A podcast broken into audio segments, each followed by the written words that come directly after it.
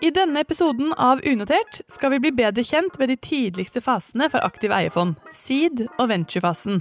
Eller såkorn- og tidligfase. Hva innebærer det å investere i seed og venture?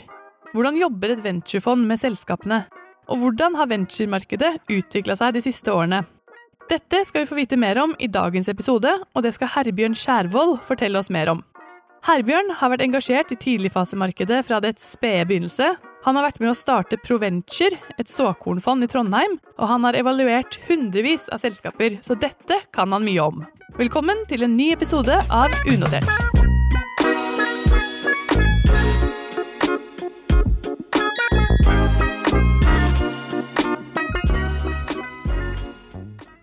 Hei, Herbjørn, og tusen takk for at du ville komme og fortelle oss eh, mer om de tidligste fasene, eh, som i alle fall eh, NVCA representerer, såkorn- og venturefasen. Det er jo lett å gå litt i surr i begrepene om de ulike fasene.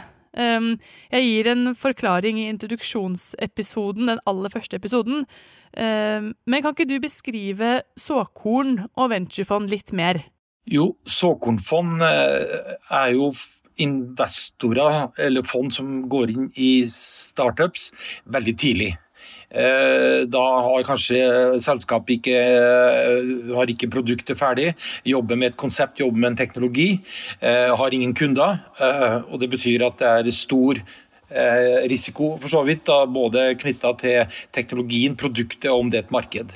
Eh, venturefond eh, de går inn i en mye senere fase. Da har, eh, da har, selskapet fått opp et produkt, de har fått kunder, de har begynt å få omsetning. Og de har da validert at dette produktet har en interesse og man har en betalingsvilje osv. osv. Så vi går inn i to helt forskjellige faser. Og derved så blir det på en måte ganske annen måte å jobbe på. fordi De startups vi går inn i som såkornfond, er veldig små team, f.eks. Mens et etablert selskap med stor omsetning har en helt annen organisasjon og team. Bare for å antyde forskjellen på det. Så det, jeg vil si det sånn at det er to, to ganske forskjellige ting. Og så kan da forhåpentligvis disse selskapene etter hvert utvikle seg veldig positivt, og etter hvert også bli relevante for eh, venturefond. da. Men hvem er det som typisk starter et, eh, et såkornfond og et venturefond? Jeg kan jo starte med Provenche. Vi har jo tre fond og ni personer ansatt. og De har bakgrunn, eh, flere av dem er tidligere gründere. Eh, noen kommer fra McKinsey. Vi har noen som har investorbakgrunn. Og noen kommer fra industrien, altså har teknologi og industriell bakgrunn. Så det er typisk fond som har tverrfaglig bakgrunn. Uh, vil jeg si. Det er et kjennetegn.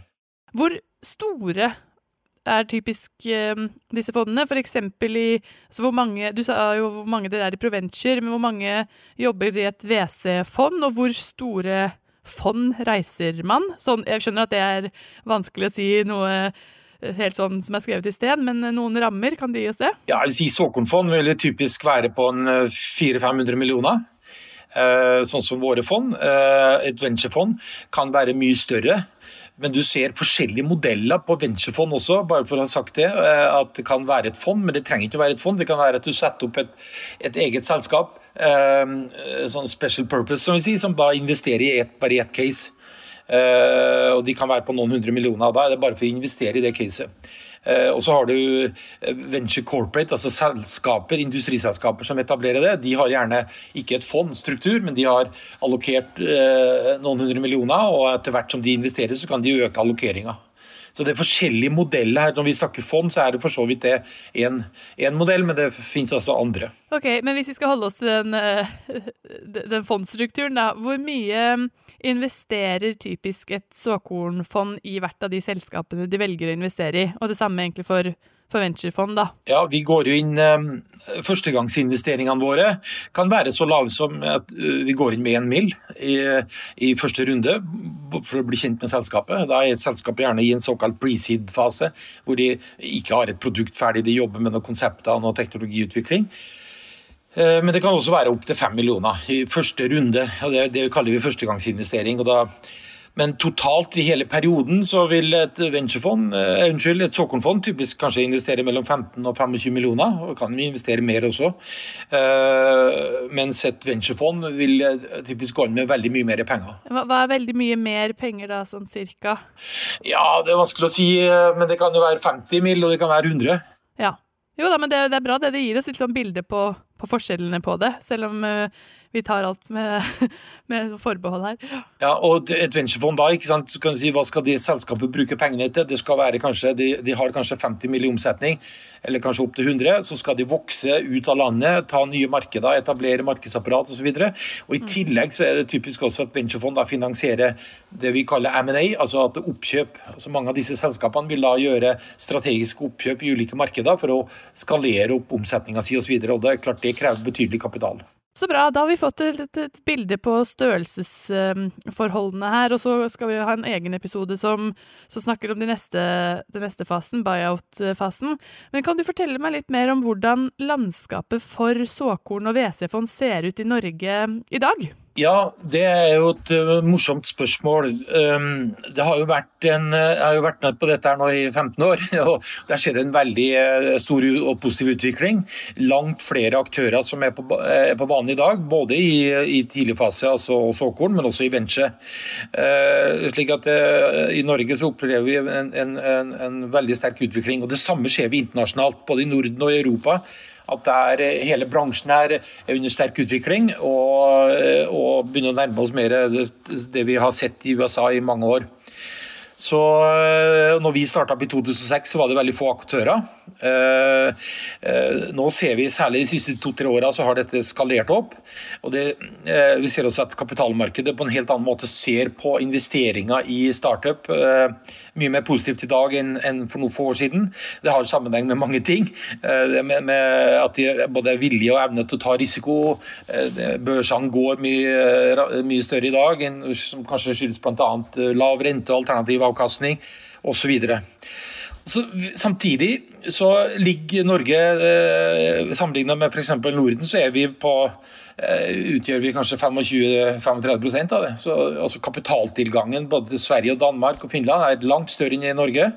Eh, og sideinvesteringer eh, i Norge utgjør 3,5% av kapitalbasen innenfor private equity totalt. Så Der er, der er det jo buyout, som du skal snakke om senere. Det er der den store kapitalmengden går inn. Så Fortsatt så er det et stort potensial, mye å gå på i forhold til å skalere opp eh, særlig såkorninvesteringer, vil jeg si. Så Behovet er der, kapitalbehovet er der, og vi har begynt å få på plass flere og flere elementer for å, for å utvikle det her eh, videre. Eh, du snakket om utviklingen fra 15 år tilbake i tid og til nå. men hvor raskt har det vokst, eller hvor mange, hvor mange såkorn og venturefond er det typisk i Norge i dag? Nei, Det er litt avhengig av definisjon, men uh, la oss si tilbake for uh, i 15 år siden så var vi kanskje, kanskje tre, fire aktører. Fem maks. Nå det, snakker vi kanskje mer om 15. Så det har vært en veldig skalering. Flere miljøer kommer inn, mer kompetanse inn, mer kapital osv. Så, videre, og så, videre. så det, det er veldig positivt, og det drives bl.a. av ja, Euronext Growth ikke sant, har hatt uh, over 40 um, uh, børsnoteringer i fjor. Det er mange som kommer nå, og altså vil nok det der uh, sikkert møte veggen en, en, en periode. Men, men, den underliggende trenden er kommet for å bli, det er jeg ganske sikker på. Selv om børsutviklingen og prising av selskap osv. Vil, vil variere litt. og Nå er vi på en liten hype, men det er ikke sikkert den varer hele tida. Men, men så kommer den tilbake igjen. Så jeg tror det er en makrotrend. Vi ser at venture spiller en større og større rolle, eh, også i Norge, i forhold til både omstilling av næringslivet og utvikling av næringslivet, og spesielt å bygge nye innovative selskaper som retter seg mot et internasjonalt marked. Der er, der er det en langt større fart i dag og, og kraft enn det var for, for, fem år siden og ti år siden. Så bra. Um, litt mer om, om uh bilde på hvordan eh, bransjen ser ut. Hva er de mest kjente WC, såkorn- og WC-selskapene eh, i Norge? Altså de som har hatt såkorn- eller venturefond på eiersiden?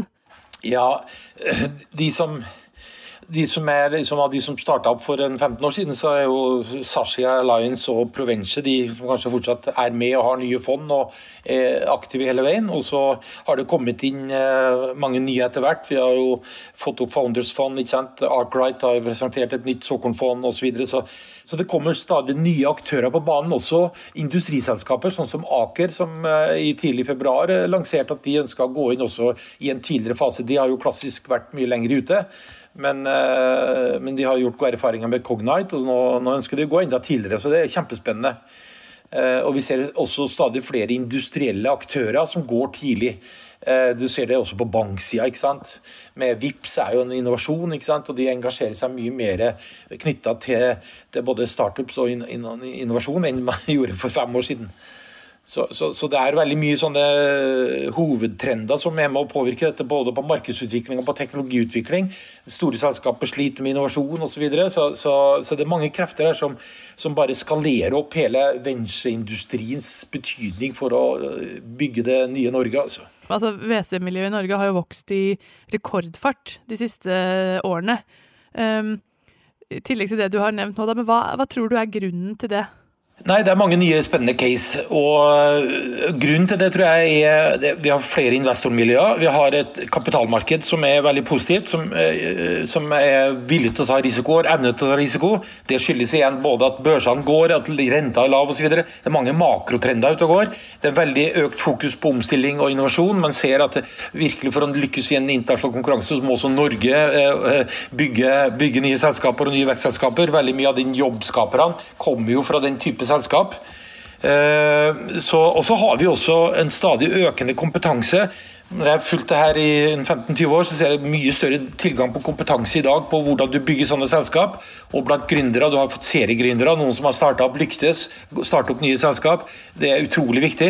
Så hele økosystemet i Norge har jo utviklet seg eh, veldig bra. Og selv om vi ligger langt tilbake fortsatt for f.eks. Stockholm, så er vi på god fart fremover. Ja, vi tar innpå. Vi tar innpå, ikke sant. Og. Eh, jeg nevnte et annet tema. Altså, så har du selvsagt eksempler på en del god avkastning. Du ser når Kahoot prises til 50 milliarder, som er et selskap som kom ut fra eh, en professor på NTNU som skapte dette sammen med et London-miljø. Så, så, ser du at her er det jo kjempespennende prising. Og så, som jeg antyda allerede, jeg tror den prisinga kommer til å gå litt opp og ned. Eh, så det kommer til å gå ned igjen også, men så kommer det opp igjen. Så jeg tror den lange trenden her er at kapitalmarkedet interesserer seg mer og mer også for, eh, for eh, si, private equity-området, og også faktisk tidligfase og, og venture.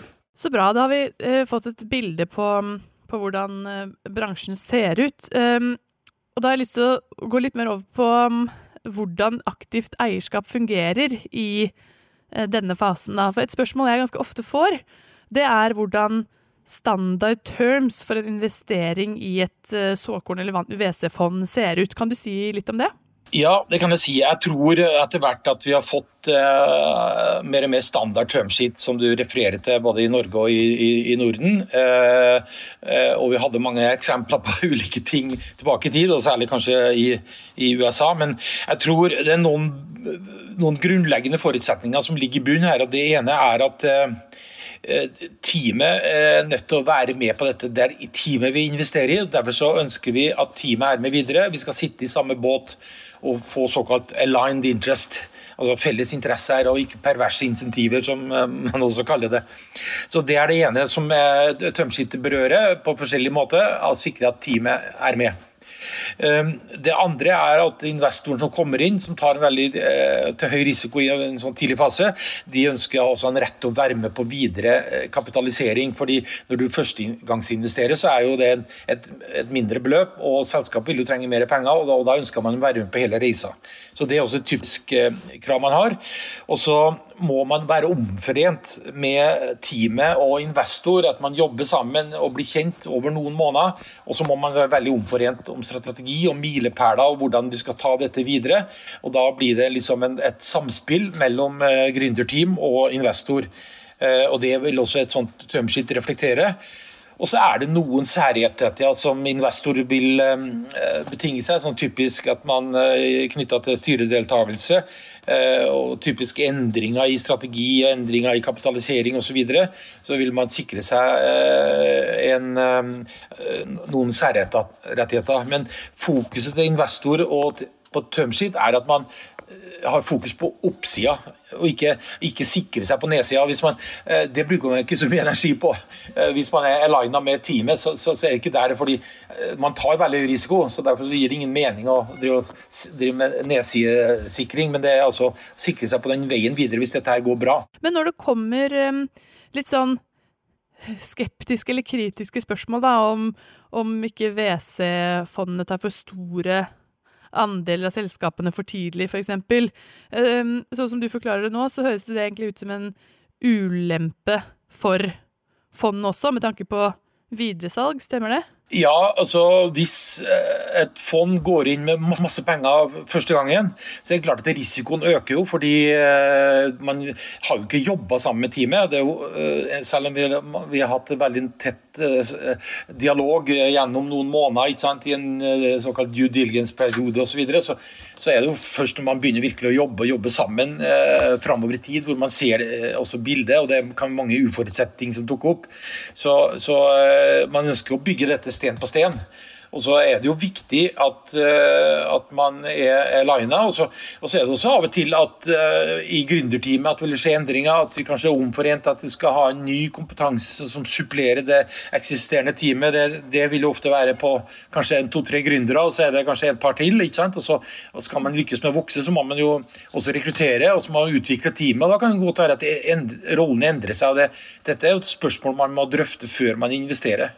Men når det har blitt en avtale, da, når man har kommet til enighet, hvordan jobber dere videre med selskapene dere investerer i da? Da har vi etablert en felles kunnskapsplattform om hverandre. Hvordan vi jobber og tenker, hvordan uh, gründerteamet jobber og tenker. Vi har fått en relasjon. Vi har blitt enige om en omforente milepæler. Vi har en planer om både et produktløp, markedsløp, finansiering, teamløp og kanskje også IPR. Ikke sant? Så det ligger et godt fundament der, og da er det eh, fokuset er jo å gjennomføre dette. Og så dukker det opp ting, og det endrer seg. Da må vi justere og justere. ikke sant? Og Det, det, det er da en, en uh, organisatorisk samspill, vil jeg nesten kalle det. altså at Vi ukentlig har jo da dialog med selskapet på ulike typer ting. Uh, og det aktive eierskapet utøves jo direkte, uh, mye mer enn for så vidt gjennom styret. Styret er jo på en måte et sjekkpunkt hvor det også sitter flere i styret. og og hvor man, eh, man utøver styrefunksjon. Men, men, aktivt eierskap vil jeg si er eh, også veldig mye det som ligger, ligger på utsida. Det gjelder særlig i en sånn tidligfase, for da er det en veldig slank organisasjon, et lite team. Eh, og de har kanskje begrensa erfaring på en del områder osv. Du jobber mye tettere med teamet enn når du har en etablert større organisasjon med la oss si 100 millioner omsetning, så, så, så, så, vil det være en annen type dynamikk i det samspillet. Er, det, er på en måte koronasituasjonen et eksempel på det som kan beskrive um, Altså sånn når selskapene havnet i en litt sånn krisesituasjon, da. Um, og hvordan det er å ha aktive eiere på uh, som støttespillere, sammenligna med hvis man hadde vært et, uh, et børsnotert selskap, f.eks. Hadde det noe Ja, jeg vil si det, det utgjør en, en, stor forskjell. Men hvis, hvis du først har jobba sammen med teamet over noen måneder og møtt teamet sant, mange ganger og blitt kjent osv., så, videre, og så, så, vil jeg si at da ligger jo fundamentet der til at uh, den digitale modellen fungerer. ikke sant? For, uh, og ja, En av de siste investeringene vi gjorde der, sitter Team i Norge, sitter i London, og sitter i Paris og sitter i Italia. Og Da fungerer jo Teams utmerket. Det er jo kosteffektivt, og sånn, og da har vi allerede blitt kjent med teamet. Mens hvis du ikke har blitt kjent med teamet, så, vil jeg jo si, personlig si at det å å investere i et case hvor du ikke har sittet rundt et bord og jobba deg gjennom ting, så er jo nok det mer krevende. Eh, slik at det må vi, eh, det må vi på en måte sikre oss. Men, da er det jo for å bli kjent med, med teamet og folket, ikke sant. Eh, og det da er Teams er, har, har, sine begrensninger, altså. Jeg tenker på sånn Bransjen vår kom seg jo relativt greit gjennom koronasituasjonen, i hvert fall i 2020. Kan det ha noe å gjøre med at man har eiere som er tett på, som har mye erfaring og kompetanse og har opplevd kriser før, som, som man lett kan spare med og lett kan, kan dra erfaringer fra? Ja, det tror jeg. Og så har jo si, myndighetssida vært flinke vil jeg si, til å også stille eh, kapital til rådighet knytta til både utviklingsprosjekter osv. Og så tror jeg at uh, vi må vente et års tid før vi kan evaluere hvordan f.eks. tilgangen til nye case og vekst og hvordan, hvordan dette har virka. Så jeg vil ikke ha gjort uh, Jeg tror ikke vi skal gjøre evalueringa for, for, langt før vi, vi, sitter med noe mer modent datasett. Da. Nei. Jeg er for så vidt enig, enig, med deg der. Ja. Um, vi får vente, vente, og se. Men du, jeg bare lyst til å bare tilbake. Jeg slapp det litt fort på det med, med standard terms. Ja. Um, for det er jo en del spørsmål om det. Du får på en måte strekke deg så langt du kan gå i og, og, og liksom definere det. Men jeg har lyst til å spørre deg så, um, Hvor store andeler tar typisk et såkornfond eller et WC-fond av et selskap de investerer i? Du nevnte summene i stad, men men kan du definere det enda litt mer? Nei, du kan jo si I første runde så kan det kanskje være 5-10 eh, Det er litt avhengig av hvor mye man går inn med. Og så vil det være en, eh, en situasjon underveis da, hvor vi etter hvert følger opp med investeringene. Så, så, vi ønsker nok la oss si typisk å eie 20-25% av et selskap. Eh, vi ønsker overhodet ikke å være majoritetseid. Vi ønsker absolutt at teamet har liksom de største eierandelene. Og så har vi ofte med oss en co-investor. Så, så, de beste casene vi har hatt, hvis vi ser på våre exiter, sånn, så er jo der hvor, eh, hvor gründerne har vært med med store eierandeler hele veien igjennom. Så øvelsen her er jo ikke å skvise teamet. Vi sitter i samme båt, og så skal vi lage dette sammen. Og, og, dem, og de, de, beste selskapene og de, de beste exitene, som vi sier, det er jo der hvor vi virkelig har jobba tett og godt sammen med, med gründerteamet hele veien. Hva tror du, hvis du skal uh, si litt om utviklingen videre da, av uh, og uh, såkornmiljøet og WC-miljøet i Norge, hva, hva tenker du da? Nei, Jeg er optimistisk på dette. og Så håper jeg at det kommer enda flere miljø inn. At det blir tilgang på ytterligere kapital, både mot fondsaktører mot andre. Og Jeg tror det er en veldig god, eh, god utvikling eh, for Norge. Og vi har på en måte alle forutsetninger for å få det her til å virke. Eh, selv om vi har en kortere industriell historie enn en, enn Sverige, så har vi f.eks. både innenfor olje og gass, og innenfor havbruk og innenfor shipping osv. Vi har sterke internasjonale miljøer som kan det her. Mm. Så det er bare, ja. bare, å vri ressursene over og, og kjøre på. Ja, jeg har faktisk lyst til å stille et spørsmål eh, til, helt til slutt om det med sektorer. Altså Hvilke type sektorer er egentlig såkorn- og venturefondene mest aktive i? Nei, de, de, eh, Mange ser på flere bransjer eller sektorer, men de er typisk veldig fokusert på, på utgangspunkt med teknologi og, og, at det ligger en innovasjon her. Eh, eh og så er det, ser du veksten både innenfor uh, ulike typer sånn, digitale startups, som vi kaller det, som gjerne har en bærekraftprofil, men du ser det også innenfor Aqua, Aquatech, du ser det på Helsetech, og du ser det innenfor altså Fintech osv. Så, videre. så Så du ser jo at at hele bransje, Hvis du går tilbake og tenker gamle, sånn, gammeldagse definisjoner på bransje, så er jo hele denne bransjestrukturen i Norge i ferd med å bli disrupta fullstendig. ikke sant? Hvor man, går, hvor man, går, på tvers både her og der. Til og med når store banker sier at de er ikke en bank, men de er et teknologiselskap, da har det jo liksom kommet et stykke. Og så er det en annen ting kanskje jeg kan si, og det er jo at B2B eh, er mye mer i fokus i Norge enn B2C. altså At vi jobber med selskap som skal selge til andre bedrifter og ikke til konsumentmarkedet. For der har Norge eh, historisk begrensa erfaring og kompetanse. Mm.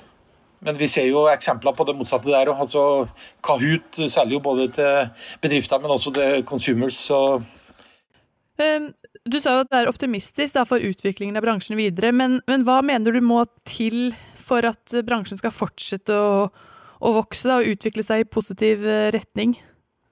Nei, Jeg tror vi må gjøre mer av det vi har gjort. Vi har hatt en, eh, en offensiv stat etter hvert. Vi har fått opp Investinor, som har spilt en veldig viktig rolle, og som gjør det bare bedre og bedre. Vi har fått Nysnø, vi har uh, SkatteFUNN-ordninga, og vi har uh, forbedringer i opsjonsbeskatning osv. Dette her er ting man kunne gjort enda mer med. Jeg må jo si meg enig med de økonomene som som kritiserer regjeringa for å fortsatt ha skatteincitamenter mot eiendomsinvesteringer. Vi burde flytte mer investeringer fra eiendom over industri. Så så det, det, En aktiv stat er veldig viktig, og det syns jeg vi har hatt. og så er Det der også et potensial for forbedring, på samme måte som det er innenfor alle andre områder. Eh, å få økosystemene til å virke enda bedre sammen i, i Norge. og Vi har jo mange sånne huber eh, som, som, er bra, og som kan bli enda bedre. Og Så nevnte du også et, eh, et, positivt kapitalmarked. Mange som har interesse for denne typen investeringer etter hvert. Så her er det mye som vil være med å spille inn på det som den store omstillingen vi står overfor, da, hvor bransjen vår mest sannsynlig vil ha en viktig rolle. Absolutt. Mm. Absolutt. Mm.